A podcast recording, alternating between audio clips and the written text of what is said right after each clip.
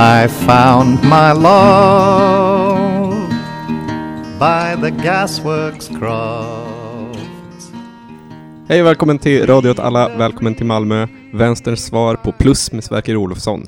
Eh, Radio åt alla är en poddkanal gjord av Allt åt alla Malmö. Mitt namn är Fredrik. Jag heter Kajsa. Och jag heter Erik. Och idag så ska vi prata om hyressättning i allmänhet, men också social hyressättning, eller vad nu Malmö stad kallar det. Bo, Malmöbo, Malmbo, någonting. ah, ja, ska vi prata om. Eh, men först så ska vi gå igenom vad som har hänt oss sen sist, och jag tänker att Erik kan få börja. Ja, den senaste veckan har jag suttit och läst några detaljplaner som kom, eh, eh och i alla fall så en av dem handlar om eh, det där konstiga området mellan eh, Värnhem och Kirstebäll som i hur många år som helst har bara varit liksom en stor ödetom med lite grönska på och vildvuxet. Men grejen som slog mig när jag läste de här, eh, eller läste den här detaljplanen, det var dels ett yttrande eller reservation. Jag har inte riktigt fattat vad som är skillnaden mellan det. Det där vill jag bena i någon gång, för, jag, för kommunpolitiker säger väldigt ofta att de lägger en reservation. Jag har aldrig fattat vad det är. Men, men vi återkommer till det. Ja, men i alla fall, de, eh, reservationen i yttrandet kom från Moderaterna och Liberalerna. Eh, och grejen med den här, det var att de tyckte eh, att eh, Malmö stad byggde för låga hus. Och då måste man tänka på att i den här detaljplanen så är det ändå väldigt rejält tilltaget med hushöjden. Eh, och ändå så tyckte Moderaterna att man skulle bygga högre. Och det är liksom, eller jag tycker det är lite intressant för det finns här en historisk ironi. Just på grund av att Moderaterna och Liberalerna som väldigt länge har velat att man ska bryta upp eller ja, liksom omforma miljonprogrammet just på grund av att det är en väldigt liksom storskalighet och det är väldigt långa huskroppar. De har liksom en drömstad som är liksom att man ska ta de här huskropparna och sen bara vända dem 90 grader som pekar rakt upp i skyn. Men, men jag vet att det tidigare kring det här bygget så har det varit eh, stök med att eh, det ligger en eh, järnväg precis bredvid. Ja, och här kommer ju min andra liksom så här chockande in upplevelse av att läsa den här detaljplanen. Och det handlar just om att på den här järnvägen så fraktar man farligt gods. Och, och, runt de här kvarteren man ska bygga så har man gjort eh, ljudbulleranalyser som visar väldigt tydligt att här kommer det låta skitmycket. Eh, så lösningen som man har till hand, som också är helt laglig, för allt det här är liksom helt lagligt. Man får pumpa ut de här kvarteren. Det är att man ska bygga väldigt små lägenheter Alltså som inte får överskrida 35 kvadratmeter. För då helt plötsligt anser man att de får tåla buller. Så det är liksom de som bor i de sämsta lägenheterna också har, som har minst, eller har råd med den lägsta hyran. Det är de som också ska tåla den högst, det högsta bullret. Men hänger det ihop med att man, att man tänker sig att små lägenheter att folk som bor i små lägenheter är typ studenter som ändå inte kommer bo där mer än typ under en kortare period. Ja, men det finns ju men det är också här, hur ska man kunna reglera att det faktiskt kommer bli så? Ja. Alltså det är ju snarare det som är problemet. Det kan ju bli alltså människor som inte har någon annanstans att mm. bo, inte har någon annan lägenhet att flytta till. Det är också väldigt likt en Woody Allen-film där han faktiskt bor precis vid en järnväg. Och det är väldigt komiskt i den filmen. Så det Ja, det kanske det... är den upplevelsen de vill sälja. Jag tror att bo bredvid Östermalms station kommer inte vara så komiskt. ah, ja. vad, vad har hänt Kajsa sen sist? Um, det har ju, ja jag vet inte. Jag har läst på lite grann, gjort lite research. Nej, jag har ju strikt sett inte gjort det, men jag, en annan person som jag var i närheten av gjorde det. Och berättade för mig den här intressanta informationen, att det finns en Eh, en bilväg, eller snarare eh, kanske en kort del av en bilväg på Möllan som är privatägd. Och det är jättekonstigt för att det är ingen annan väg som är det. Och det är den här vägen som går eh, utanför, den delen av Mombichogatan som går utanför Möllevångsskolan. Vid men, alltså det här nybyggda kvarteret vill jag säga. Nu är det inte så nytt längre, men där, eh, eh, ja, Stad Solidar-kvarteret. Ja. Om man hade bageriet Solidar innan. Exakt. Men, men varför i Guds namn skulle man vilja ha en privatägd gata? Alltså, Ja, det förtäljer inte historien. Jag har Nej. ingen aning. För man måste ändå betala för underhållet och skit. Alltså det är ju liksom som att man snarare bara tar på sig en och evig eh, utgift. Ja, Vi får gräva mer i det här. Ett, ett ok. Ännu ett ok. Eh, vad som har hänt mig sen sist är inte så mycket vad som har hänt mig sen sist, utan mer vad som har hänt 460 000 personer som har registrerat sig på elsparkcykelföretaget Voice eh, app. Att alla deras information, eh, personuppgifter, mail och sånt. Oklart om det är ens bankuppgifter också. Eh, att deras info har bara legat öppet på internet tills nu. Eh, Men hände det här bara i Sverige? Nej, det var ett tyskt bolag, eller en tysk eh, journalist som upptäckte det. Men det påverkar ju Sverige mest eftersom att det är ett svenskt företag som mest finns i Sverige fortfarande. Tydligen är de värda flera miljarder, fick jag också höra idag. Det är jävligt oklart. Ja, kommer vi börja om några år prata om elsparksbubblan? Elsparksbubblan. Det- Jag kan tänka mig att den händer kanske snart. Elsparkskraschen som vår tids IT-krasch. Jag kan verkligen tänka mig att det är snart eftersom att eh, sossar i Malmö åtminstone hatar de här elsparkcyklarna. beslutat att plocka bort alla felparkerade elskotrar. Och kostnaden för att lösa ut skotern, det får bolaget som har hyrt ut den stå för.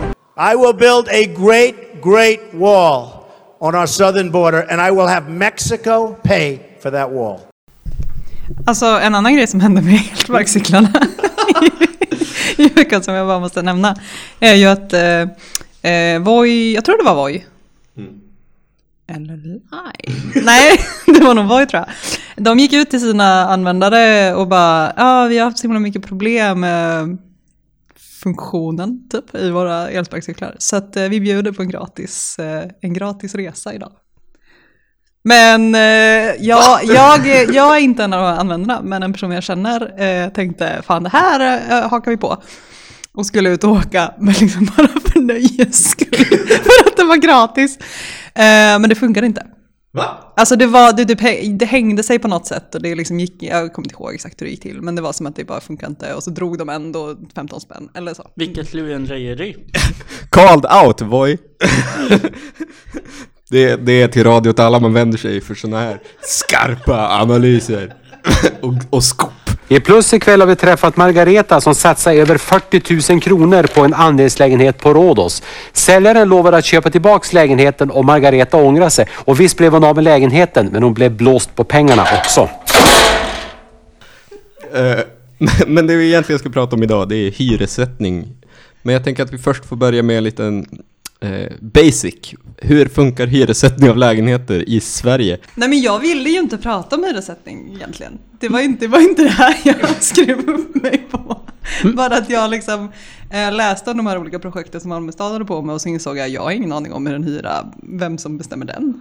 Så. För att man lever ju i tron på något sätt om att det finns liksom ett ändå så lagom, det finns liksom en lagom reglering på något sätt på den svenska hyresmarknaden. Som gör att det liksom inte ballar ur typ. Eh, och, men men eh, Men- ja, jag var tvungen att läsa på, men jag tror, ja jag vet inte. Säg någonting. Men, men det finns ju liksom en reglering. Alltså, men den funkar ju som uh, ute på arbetsmarknaden. Alltså det handlar, det är ju liksom en part. Eller den här partgrejen vi har här i Sverige. Där vi har en part som är antagligen arbetstagarna och en part som är arbetsköparen. Och liksom i det här fallet så har vi hyresgästerna och hyresvärdarna. Och det är ju det är ju liksom Den är ju reglerad men den är ju liksom reglerad genom det här part. Eh, Jag vet inte vad man ska kalla det Men den här partgrejen som Ja, men då undrar man ju så här, ja okej, Hyresgästföreningen förhandlar, eller vem som helst kan ju förhandla egentligen som är hyresgäst med sin hyresvärd i princip. Men det gör ju inte folk, Hyresgästföreningen förhandlar. Vad förhandlar de om? Alltså de förhandlar ju bara om hur mycket hyran ska få höjas. Ja Och det Och det är typ utifrån så här, jo men eh, okej, typ fastighetsägarna har ändå haft de här liksom ökade kostnaderna på olika sätt. Eller att olika så här avgifter som de måste betala har höjts, bla bla bla. Då är det ändå rimligt så här att de får höja hyran någon procent. Eh, och så bara kommer man överens om det. Men liksom själva hyrorna förhandlas ju inte. Nej, för det hade ju inte heller varit praktiskt möjligt att förhandla varje enskild hyra och, och då så blir det ju som att man snarare slår ut. Alltså, ja men, för vi har ju den här bruksvärdesprincipen.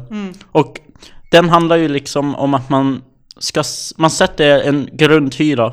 Eh, som liksom går, utgår från själva standarden på lägenheten. Som jämfört med andra liknande lägenheter.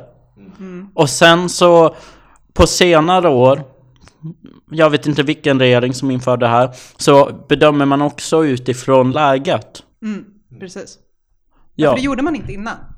Nej, eh, utan då var det ju snarare att man mer bara jämförde liksom liknande lägenheter med varandra. Ja, precis. För man Men hade sam- någon tanke om att man också skulle Ja. kunna bo billigt mitt i stan. Ja. typ, Eller så. Men med typ samma standard och samma standard i det här fallet Det är ju dels skicket på lägenheten eh, Inte liksom i just det skicket som den är när man kanske liksom har bott där ett tag eller liksom när man först får tag i en lägenhet För att en lägenhet kan ju vara väldigt sliten Ja. Utan tanken är ju att eller, och inskrivet i lag är ju att eh, hyresvärden måste ha periodvis underhåll. Så den ska ju alltid nå upp till en bra standard.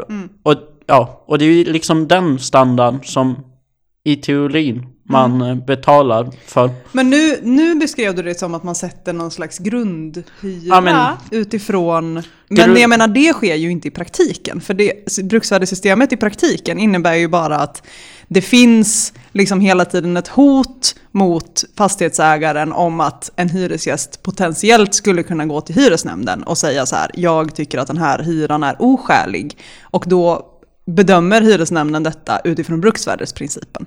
Det är ju inte som någonting som sker systematiskt, utan det är ju liksom bara ett sätt att bedöma huruvida en hyresvärd tar ut en oskälig hyra eller inte. Men, men det är liksom inte som att hyrorna så som de är, det, det, finns, ju inget, det finns ju inget standardsystem som bestämmer vad nej, nej, liksom, nej. Alltså, när, när jag sa ordet grundhyra så kom jag på att det var dåligt. Alltså det jag menar är ju bara liksom att man kan tänka att man sätter en hyra. Alltså utifrån det, lägenhetens standard. Mm. Inget mer än så. Ja, man sätter ju vilken Ja. hyra man vill. Och sen får man bara hoppas på att man inte blir fälld för det. Ja, eller ish. Alltså det är ju här man, det är ju därför man, vi har detta förhandlingssystemet. För då så ska hyran sättas utifrån liknande. Alltså det är ju därför man Gör slår de ut i förhandlingen? För det är det här jag undrar. Vad förhandlar de om egentligen liksom? Ja men, ja eller snarare är ju frågan här När man sätter den första hyran Ja. Alltså Ja. Sätter man den då utifrån liknande beståndet? Eller bara sätter man? För, Mm. Alltså- för här finns ju då en skillnad mellan det äldre beståndet och det nyare Mm. Alltså Under Reinfeldt-regeringen Mm.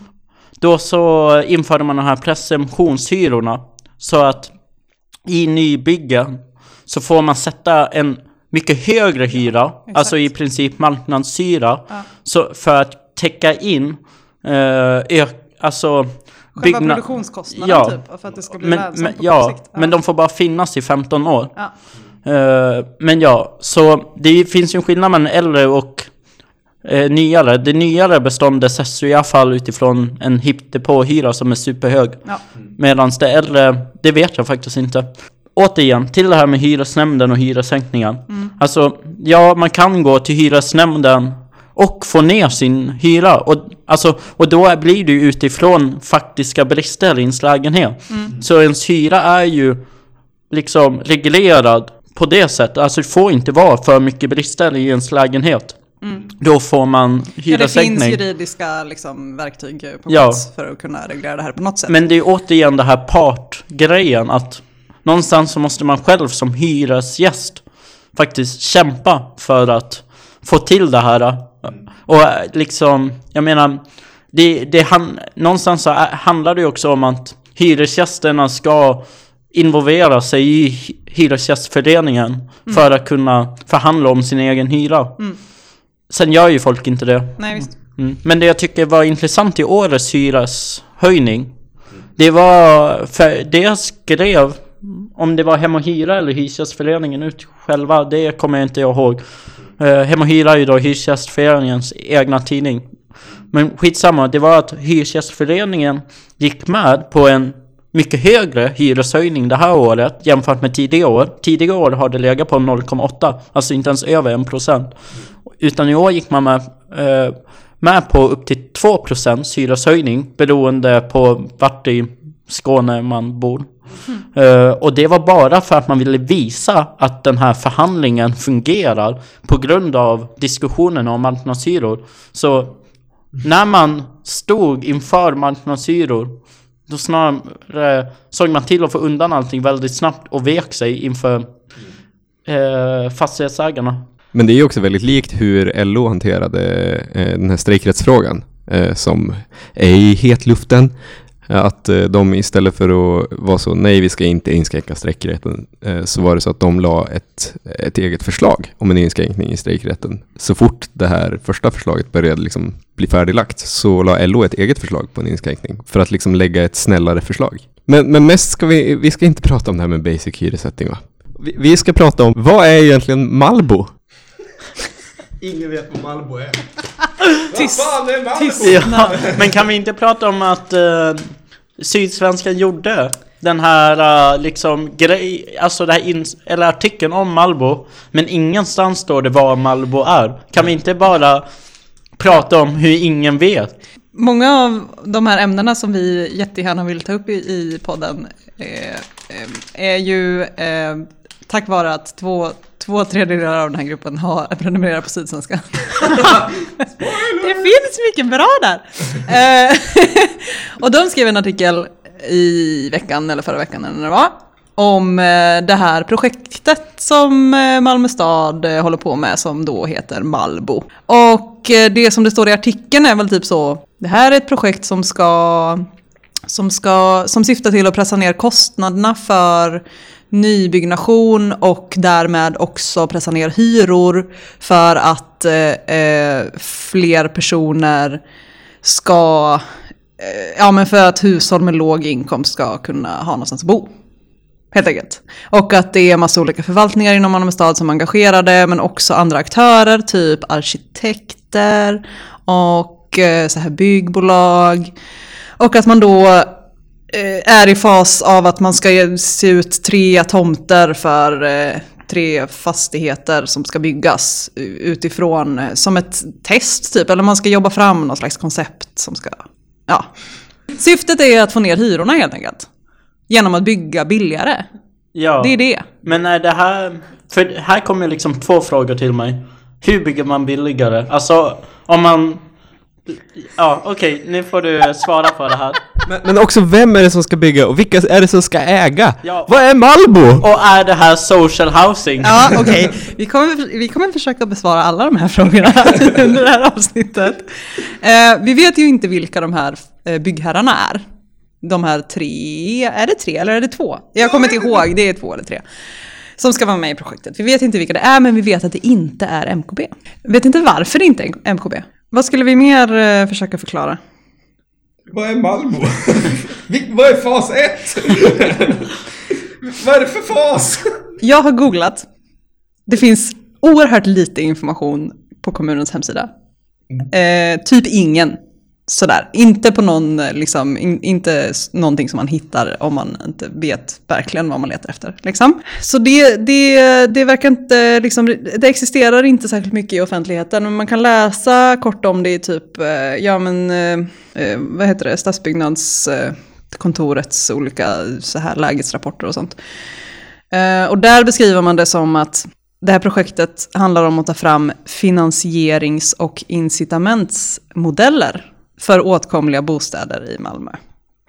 Och att det går ut på att Malmö stad ska använda plan och markverktygen och att fastighetsägarna ska förändra sin finansiering och att Malmö stad ska prova någonting som, som kallas utfallsbetalningar. Jag Ja. googlade på det här ordet. Jag fick två träffar som inte hade någon som helst relevans. Så jag har ingen aning om vad det betyder. Men när man pratar om att man ska få ner kostnaderna för byggnation för att på så sätt kunna få ner hyrorna. Då, då är det ju två premiss. Alltså, man, jag känner lite, min magkänsla säger så här. eh, det, här, det här är skitsnack. det här går inte liksom. Eh, det är någonting som är konstigt i den här logiken. Och det är av två anledningar. Och den första anledningen är så här att premissen för den här typen av projekt skulle ju kunna vara då att byggbolagen inte redan försöker pressa sina kostnader. Alltså vad det kostar att faktiskt bygga ett hus. Som om, som om det fanns en massa marginaler typ som de bara inte redan har tänkt på. Eller så. Att de bara, ja men vi kanske inte måste använda så här guldpläterad spik i våra hus. här kan vi nog spara in lite grann. Nej, alltså byggbolagen pressar ju redan sina kostnader. Får man anta. Annars så är det ju en konstig liksom, affärsidé. Det- är ju också så, alltså hus som byggs idag är ju ofta gjorda av typ skräp. Halva Västra Hamnen är ju byggt av frigolit och det är inte en överdrift utan det är på riktigt frigolit. Nej, ja, och liksom det kommer ju ändå... Alltså de hus som byggs idag, de håller ju typ på så här 20-50 år istället för kanske 200 år. Ja, precis. Alltså man bygger ju bara skit. Ja. Och jag eh, har lite sådär indirekt och på omvägar fått lite information från en person som faktiskt jobbar med att räkna på vad det kostar att bygga saker. Och det är ju lite som att det finns liksom inget svar på frågan om hur man bygger billigare. För det är ingen som vet det. För att liksom man gör redan det man kan göra. Det är liksom så, det, ett hus kostar liksom vad det kostar, typ så. Och sen är det ju också eh, såklart väldigt stora delar av kostnaden som inte är själva husbygget, utan som är saker runt omkring och typ mark. Men så att om man tänker sig att man ska kunna dra igång ett sånt här projekt där man ska bygga billigare för att få ner hyror, eh, då, då, då funkar det ju liksom inte riktigt att bygga billigare, för att det funkar liksom inte så. Så det som man i så fall antar, den, den här andra premissen, som också är konstig för det här projektet, det är ju att av någon anledning inte skulle finnas byggherrar och fastighetsbolag eh, som inte redan har som affärsidé att bygga billigt. Alltså att bygga eh, liksom, hyreslägenheter som är billiga. För man kan ju tänka sig att det i en stad liksom finns olika konsumentgrupper och att olika byggherrar och fastighetsbolag riktar sig till olika grupper. Typ. Alltså att det finns liksom eh, kanske en, eh, en eh, konsumentgrupp där man tänker så här, ja men här typ är det värt att vi så här bygger i det här lite dyrare läget och så smäller vi in så här ekgolv och typ ett marbodalkök för att det vill den här konsumentgruppen betala för. Så. Eh, men rimligtvis borde det ju också finnas byggherrar som är intresserade av att catera till en annan konsumentgrupp som inte har lika mycket pengar. För de behöver ju också någonstans att bo. Liksom. Men de, och de har lite pengar. Ja. Alltså, som de kan ju betala. Alltså det är det jag exakt. menar. Inte bara att Ja. jag försöker säga samma sak som du sa. Att de har lite pengar. Alltså, Ja men precis. Och så funderar jag på så här, ja men okej, finns det någon sån, eh, finns det något sånt fastighetsbolag i Malmö som har det som affärsplan? Liksom? Och det som jag kom på då är ju Trianon. ja, de är ju Som- väldigt givna. Och vi har pratat om dem många gånger.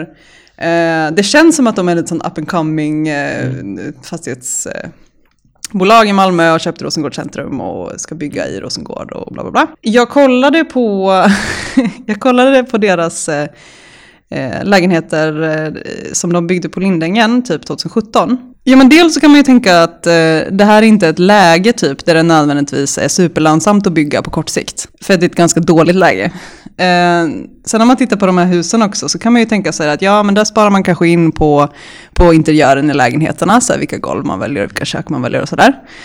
Eh, Men eh, man kan ju också, ett bra sätt att, att sänka kostnader är ju att minimera de liksom gemensamma ytorna som finns i husen. Så i de här husen till exempel så finns det, så har man loftgång. Så tänker jag man slipper bygga en massa olika trapphus till exempel. Det finns ingen vind. Vilket jag inte vet riktigt om det är normalt på nybyggda hus att det inte finns någon vind. nej, Nej, aldrig sett. okej. Jag har ingen som helst aning. Men, Det finns inte heller Okej. någon eh, källare. Ja, men Så att om man tänker att man- Nu är det ju konstigt. För har man inte Det finns- en det vind har finns- man en källare och tvärtom. Nej men precis, för att det man tänker med vind och källare är att det är ju där man har alla sina, allt sitt skräp i sitt förråd.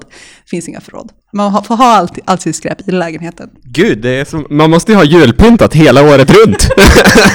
Exakt. Det finns inte heller någon tvättstuga. Eh, det finns... Erik ser helt chockad ut. Alltså, nu går ju ändå skam på torra land. Eller? I Sverige. Ingen tvättstuga. Det finns eh, på de här, jag, giss, ja, jag är lite osäker nu, men jag gissar att det är på de här fem fastigheterna så finns det en tvättstuga i ett av husen. Och det är liksom olika hus. Så att om du bor i fel hus så får du liksom gå ut och ta dig till liksom huset bredvid om du ska tvätta. Och den här tvättstugan, eh, det kostar 15 kronor per tvätt. Eh, det som är lite intressant med just den här tvättstugan också att den ligger liksom i anslutning till ett café som Trianon, som Trianon äger. Vad passande. Ja.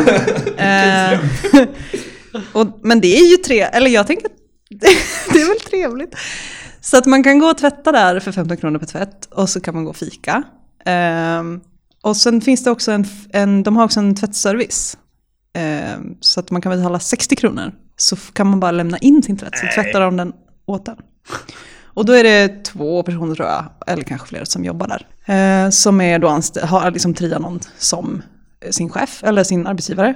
Eh, och de bor också där. Va? Nej! Så att deras chef är också eh, deras hyresvärd. Ehm, Det och det varit- här är ju, alltså, ja jag vet fan. det är liksom eh, det nya Sverige. Jag är fattig bonddräng men jag lever ändå Dagar går och kommer medan jag knogar på Men det är lite intressant just för om de får sin uh, hyra av avdragen sin lön, alltså de, de som jobbar för Trianon med att tvätta. Då är deras bostad en tjänstebostad. och, och skulle detta nu ha varit inom jordbruket, vilket det inte är, då hade de inte haft någon besittningsrätt så Trianon kunde kasta ut dem när de ville. Shit. Ja. Datasamhället. Om det... ja men verkligen. Alltså det är ju någonting, men jag tror att vi pratade om det här, för att, för att det här är ju skitpopulärt bland eh, hyresvärdar.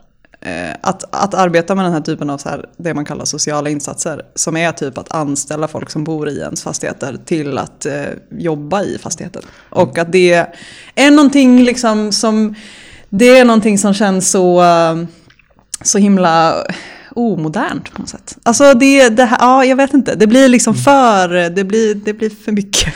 Ja, och det är jättestort på Sofielund, eller Seved. Och eh, det är där är det ju väldigt intressant, för där är det ju som en blandning av, just på grund av det här BID Sofielund, eller fastighetsägare i Sofielund som det heter nu, så är det ju som en blandning mellan kommun och fastighetsägare som har skapat eh, liksom sådana här, om städpatrullaktiga tjänster. Eh, Så Seved är ju väldigt rent. Men det är ju bara på grund av att man anställer väldigt mycket folk som ändå bor inne i Seved. Och det fanns ett tag en plan på att eh, skapa sådana här trappvärdar. Vilket är ju liksom en form av Gola-system. Där man liksom är ansvarig för sin, sitt trapphus. Eh, mot att man får kanske en liten reducerad hyra. Eh, och sen så ska man bara fixa skötseln och liksom eh, av, ja jag vet inte, eh, ta hand om störningar. Eh, och klagomål, ja ni förstår. Alltså, men det är egentligen bara ett stort utbyggt Gola-system. Men det- är roligt för det är lite som att det simulerar en bostadsrättsförening på något mystiskt sätt. Eller det, det är som att det blir som en bostadsrättsförening fast du har egentligen inte så mycket ekonomiska incitament.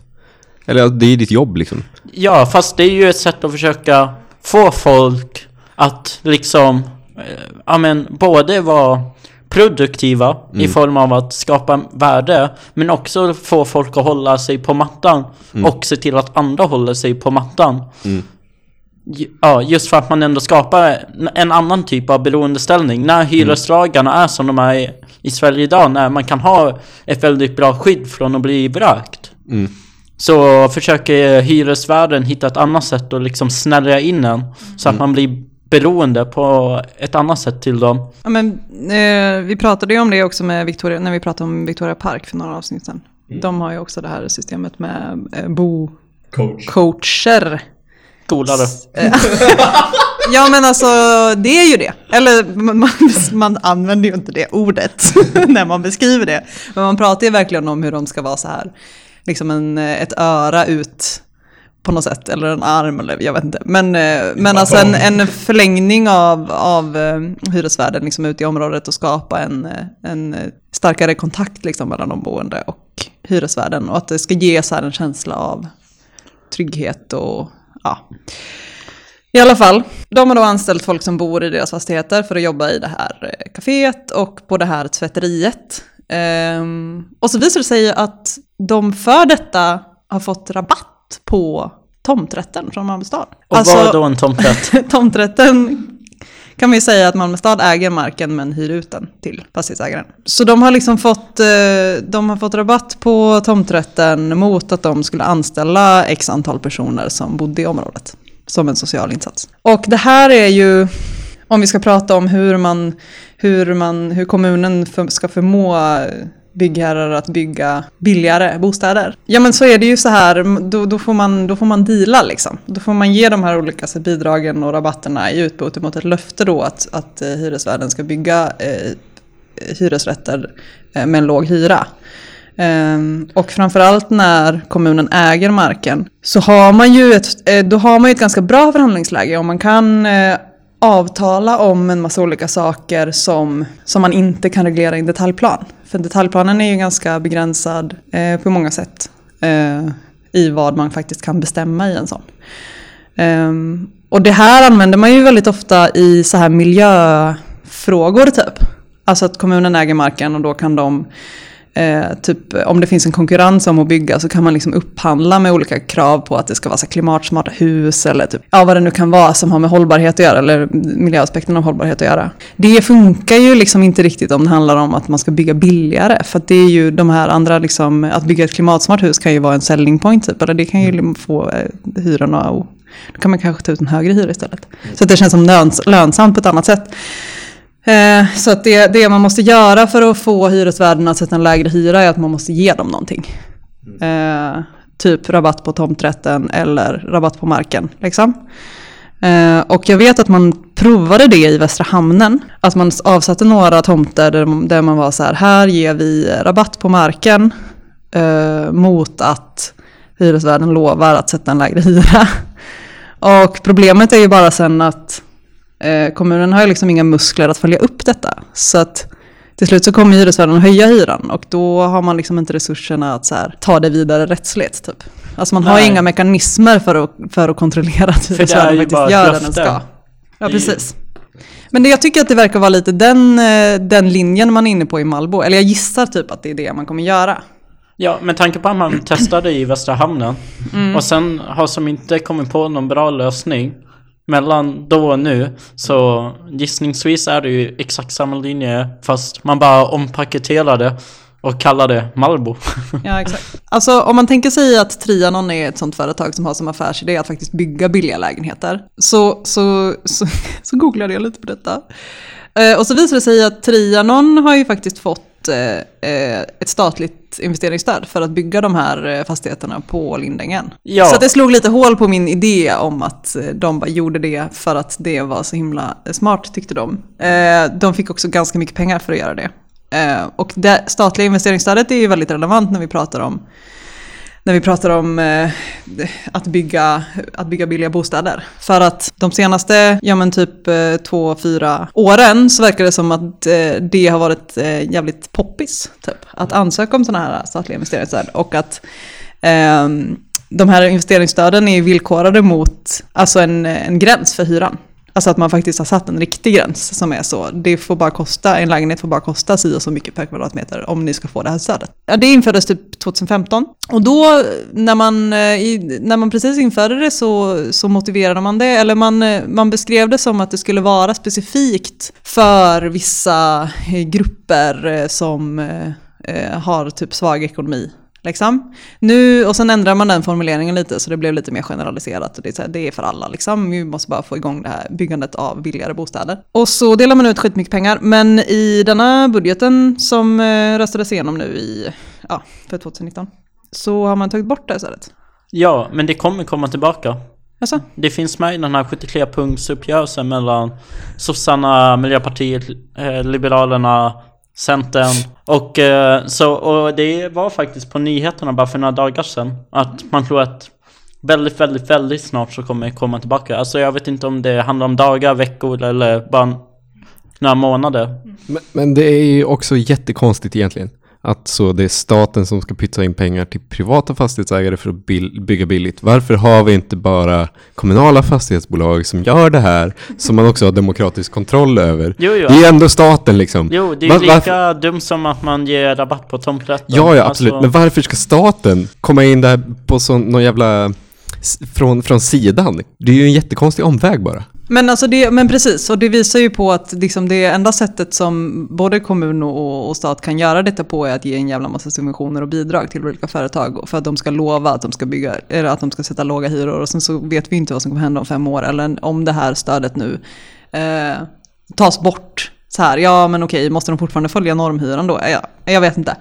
Eh, jag snackade med eller jag lyssnade på en, en person som jobbar eh, som tjänsteman på Lunds kommun eh, på stadsbyggnadskontoret i Lund och som hade jobbat på stadsbyggnadskontoret i Malmö tidigare. Och, eh, och hon, fick hon fick den här frågan så här, ja men hur kan vi göra då för att eh, kunna bygga eh, med billigare hyror så att folk kan ha råd att bo? Och, eh, och hon bara, ja men eh, alltså kommuner kan inte göra det. Så här. Det finns ingenting som någon kommun har provat som har fungerat. Liksom. Eh, det här är inte en fråga för kommuner, det här är en fråga om politik. Så. Eh, det som man däremot kan säga, det finns ju jättemånga exempel på, på hur kommuner har försökt med sådana här projekt. Eh, och det som jag tyckte var lite intressant i det här sammanhanget är det man håller på med i Stockholm.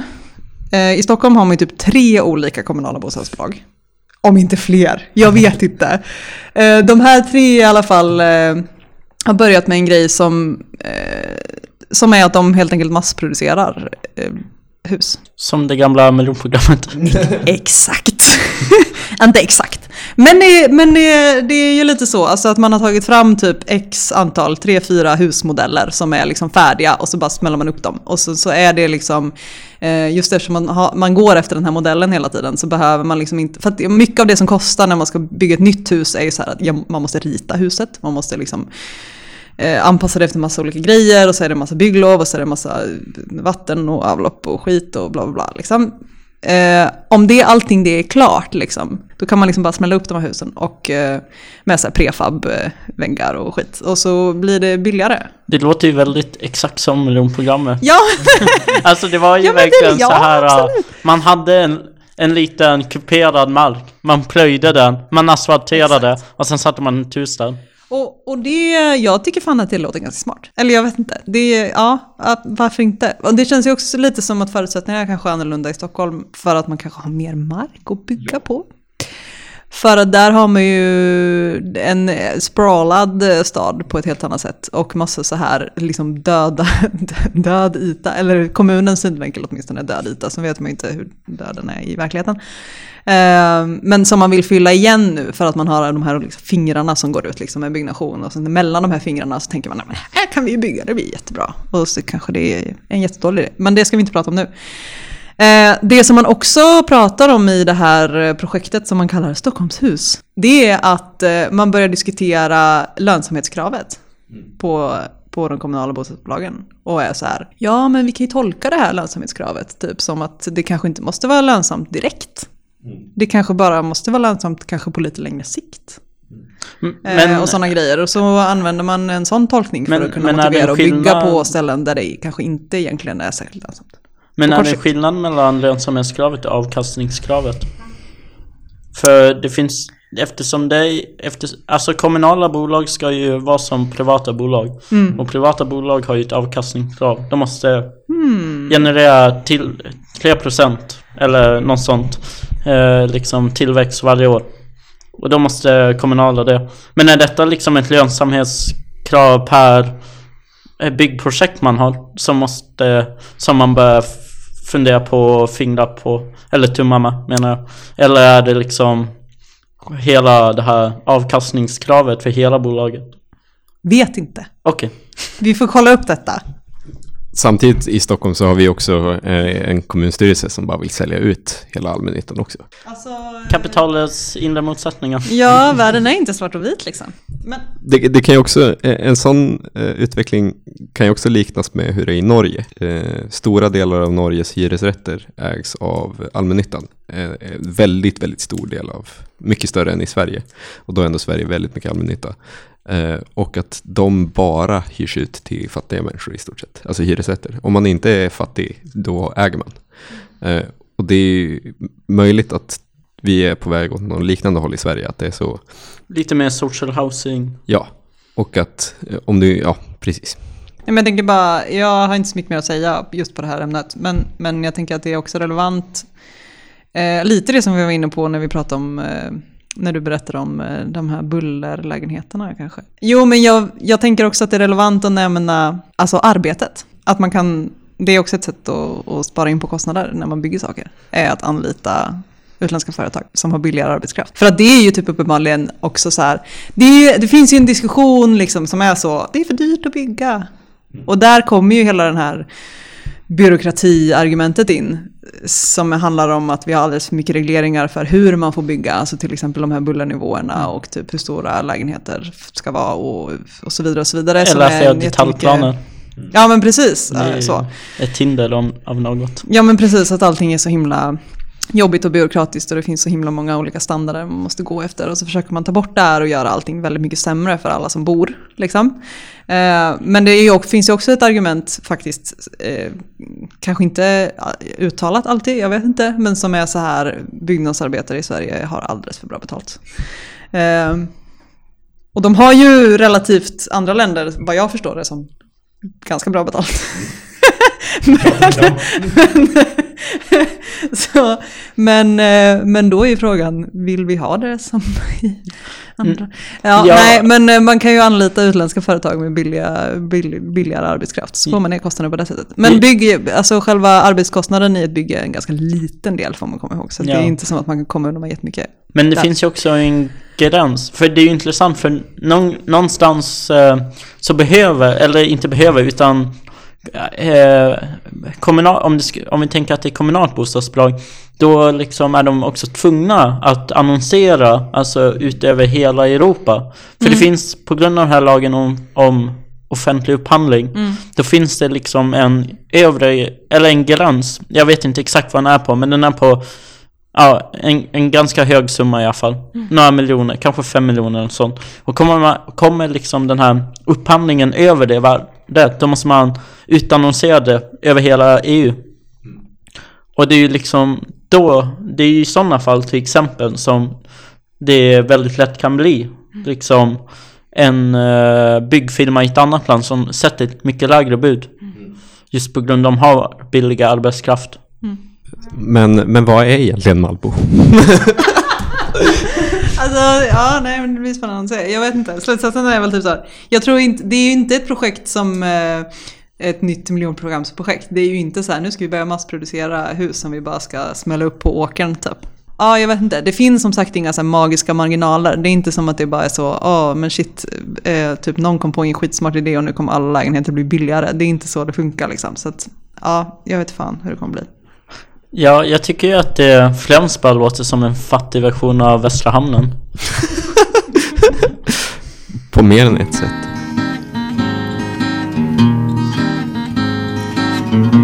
I found my love by the gasworks cross.